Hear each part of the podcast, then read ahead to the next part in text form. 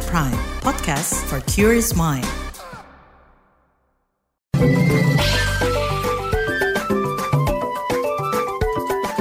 WhatsApp Indonesia. WhatsApp Indonesia kita mulai dari kabar pencegahan perkawinan. Kementerian Pemberdayaan Perempuan dan Perlindungan Anak Kemen PPPA mendorong edukasi pencegahan perkawinan anak lewat program Genre Generasi Berencana. Genre adalah program edukasi positif mengajarkan anak dan remaja untuk menjauhi perkawinan usia anak, seks pranikah, dan seks bebas atau napsa. Menteri PPPA Bintang Puspayoga selaku Bunda Genre Nasional berharap edukasi pencegahan perkawinan anak terus masif dilakukan. Bintang berharap agen-agen perubahan yang dibentuk melalui program Genre mampu menciptakan anak-anak remaja yang berkualitas, lantaran anak-anak adalah investasi terbesar bagi suatu bangsa.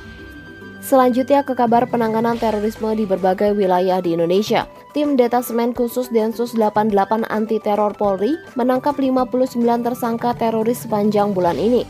Juru bicara Densus 88 Aswin Seregar menjelaskan 59 tersangka teroris yang ditangkap merupakan jaringan Jemaah Islamiyah JI dan kelompok Jemaah Ansorut Daulah JAD.